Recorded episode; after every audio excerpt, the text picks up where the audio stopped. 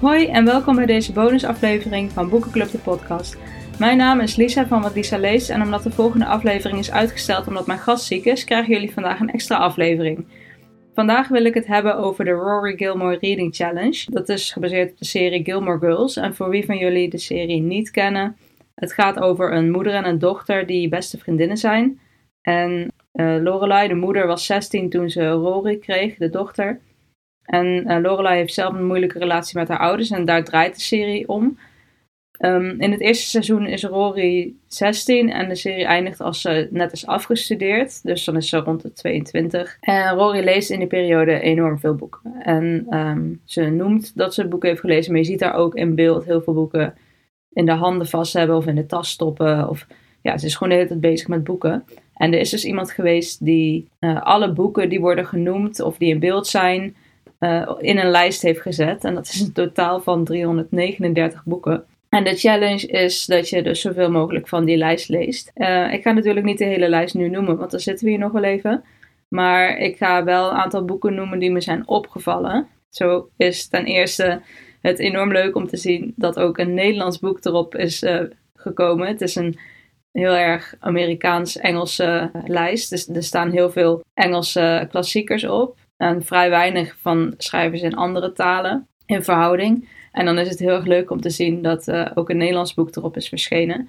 Namelijk uh, het dagboek van Anne Frank. Dus uh, dat is heel erg leuk om dat te zien. Verder staan er een aantal verrassingen op in de vorm van moderne boeken. bijvoorbeeld Vliegeraar staat erop. Daar hebben we het vorige aflevering ook al kort over gehad. Um, maar voor mijn gevoel is de Vliegeraar veel nieuwer dan de serie Gilmore Girls. Dus dat verraste me heel erg. Dat heb ik het even opgezocht. En De Vliegeraar komt uit 2003. En uh, de serie is geëindigd in 2007. Dus het is blijkbaar meteen zo'n succes geweest dat zelfs Rory hem gelezen heeft. Uh, en dat, is gewoon heel erg leuk. En dus ook verrassend. Een ander boek wat ook verrassend was, is de Da Vinci Code. En Rory heeft ook tussen aanhalingstekens gelezen um, verschillende boeken uit de Harry Potter serie. Uh, dus dat is ook een fijne toevoeging om uh, alle klassiekers mee af te wisselen, omdat het uh, voornamelijk heel veel klassiekers zijn. een aantal auteurs die heel veel voorkomen op de lijst zijn Jane Austen, Virginia Woolf, Shakespeare, Charles Dickens staat er meerdere keren op, Edgar Allan Poe, Ernest Hemingway. Um, dus ja, het is allemaal heel erg stoffig taalgebruik omdat het in een andere tijd geschreven is. En dat maakt het wat pittiger om doorheen te komen. Dan is het fijn dat er ook af en toe wat modernere boeken tussen staan. Wat ook een leuke verrassing was, is wel een redelijk klassiek boek, maar toch iets moderner dan wat ik net allemaal noemde. Is uh, 1984 of 1984. Die is nog steeds actueel en dat verbaasde me heel erg.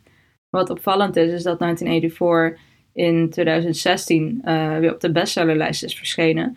Dat is het jaar waarin Trump werd verkozen tot president van Amerika. En uh, het boek gaat heel erg over fake news en Big Brother is watching you. Dus uh, ja, dat is toch wel typisch. Een vergelijkbaar boek met dezelfde thema's die ook op de lijst staat, op de Rory Gilmore Reading Challenge, is uh, Brave New World van Aldous Huxley. Die heb ik zelf nog niet gelezen, maar daar ben ik wel ook heel erg benieuwd naar omdat hij dus heel vaak wordt genoemd in dezelfde categorie als 1984. Dus ik ben wel heel erg benieuwd wat dat gaat brengen. Een ander boek wat heel erg leuk was om te lezen was eh, Dr. Jekyll en Mr. Hyde. Het was wel een stoffig boek, maar het leuke was om het originele verhaal te luisteren.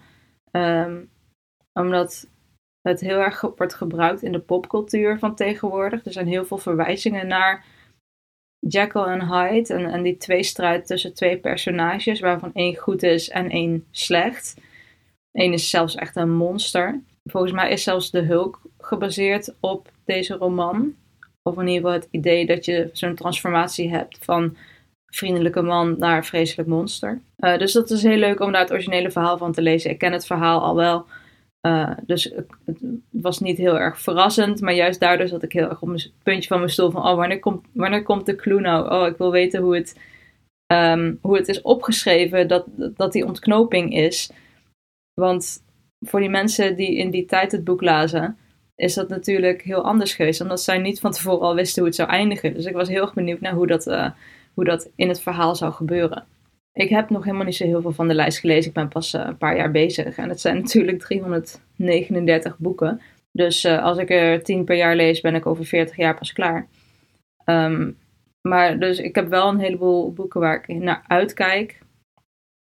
Uh, omdat ze klassiekers zijn of omdat ze gewoon titels zijn waar ik vaker dingen van heb gehoord. Zo staan bijvoorbeeld Anna Karenina erop en uh, ook wat werk van Fyodor Dostoevsky, als ik het goed uitspreek. Excuses voor al mijn uitspraken van namen. Um, dus dat zijn de, wat, de, de, Russische auteurs zijn ook wel aanwezig. Um, daarnaast staan er ook de echte antieke werken op, zoals de Bhagavad Gita en werk van Homerus. Daar ben ik ook wel heel erg benieuwd naar, ook vanwege mijn studie. Ik heb eerst religiewetenschappen gestudeerd voordat ik literatuur ging studeren. Ja, dus die werken die, die heb ik al in mijn kast staan, omdat ik die uit, vanuit mijn studie toen uh, heb aangeschaft. En dus ik vind het heel erg leuk om die nog een keer te mogen lezen. Daarnaast staan er op de Rory Gilmore Reading Challenge ook een heleboel boeken die ik nog niet gelezen heb. Maar die wel qua verhaal heel erg bekend zijn. Die heel vaak uh, worden genoemd in andere films en series. Zoals Don Quixote of Driving Miss Daisy. Uh, of Moby Dick, Frankenstein, The Great Gatsby. Dat zijn allemaal best wel bekende namen. En er staan in datzelfde rijtje nog een paar boeken die ik wel heb. Twee daarvan heb ik ook al gelezen. Maar die vind ik het heel leuk om ze voor de lijst nog een keer te lezen. Dat zijn twee delen van The Lord of the Rings. Zo uit mijn hoofd zijn dat het eerste en het laatste deel. Fellowship of the Ring en um, The Return of the King.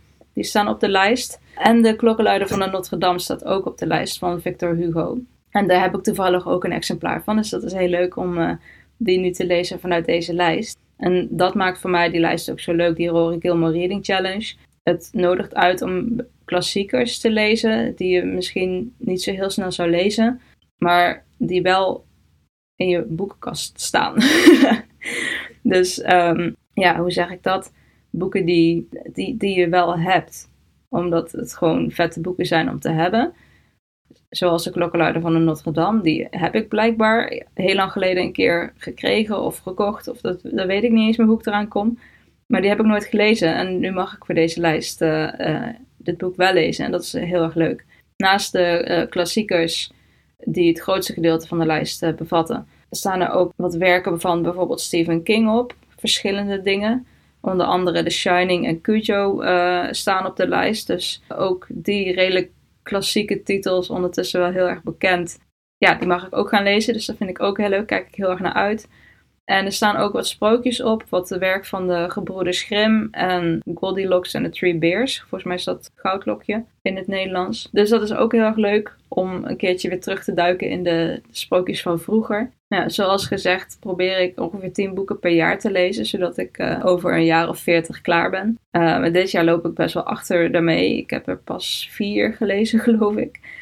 Omdat ik heel veel Shakespeare erop heb staan ja, Shakespeare, daar moet je heel goed wakker voor zijn. Dat kan je niet zomaar even gaan lezen. Dus daar, ja, daar ik mee. En ik heb van een vriend het uh, verzamelde werk van uh, Shakespeare geleend. Dus ik wilde eigenlijk zoveel mogelijk van Shakespeare in één keer achter elkaar lezen, zodat ik in één keer ook dat boek terug kon geven. Maar dat uh, is misschien een vergissing geweest, want het is best wel pittig. Um, en ik ben volgens mij ook al drie keer opnieuw begonnen in Pride and Prejudice. Omdat ik daar ook niet zo heel goed in, in kan komen. Maar dat, komt uiteindelijk wel goed en ik blijf gewoon het opnieuw proberen.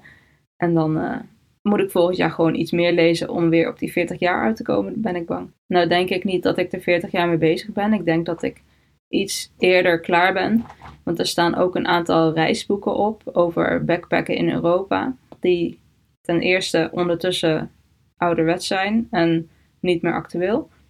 En ten tweede, ik heb niet per se de behoefte om te gaan backpacken door Europa, omdat ik heel veel steden uh, waar Rory heen gaat in de serie, daar ben ik al geweest. Dus voor mij is dat iets minder interessant. Dus die bewaar ik voor het laatst. Dus waarschijnlijk lees ik die uiteindelijk niet meer.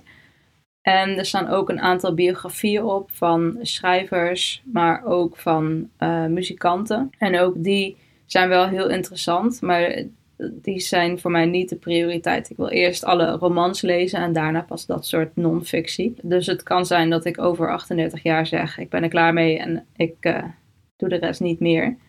Dus ik ben uh, voorlopig nog wel even zoet met deze lijst. Ik ben heel erg benieuwd wat jullie al gelezen hebben van de lijst. Ik zal via mijn Instagram een linkje delen naar de complete lijst. Dus ik vind het leuk om te horen wat jullie daar al van gelezen hebben. Of hoe ver jullie al zijn met deze challenge. Dan kunnen we een beetje vergelijken. En misschien kunnen we ook een keer voor een boekenclub uh, een van de titels kiezen. Zodat we allemaal tegelijk een uh, boek af kunnen strepen van de lijst. En over de boekenclub gesproken. De eerstvolgende boekenclub over Zoete Zoete Vraag BV van Jonas Jonasson. Die is dus uitgesteld. Die komt zo snel mogelijk. Maar gast is ziek. Dus die... Uh, uh, ik wacht even totdat zij beter is en dan komt uiteindelijk die aflevering alsnog. Um, maar over iets minder dan drie weken gaan we normale mensen van Sally Rooney bespreken. Dus daar kan je alvast in beginnen. Dan ben je in ieder geval bij, dan heb je genoeg tijd om uh, dat boek te lezen voor die aflevering.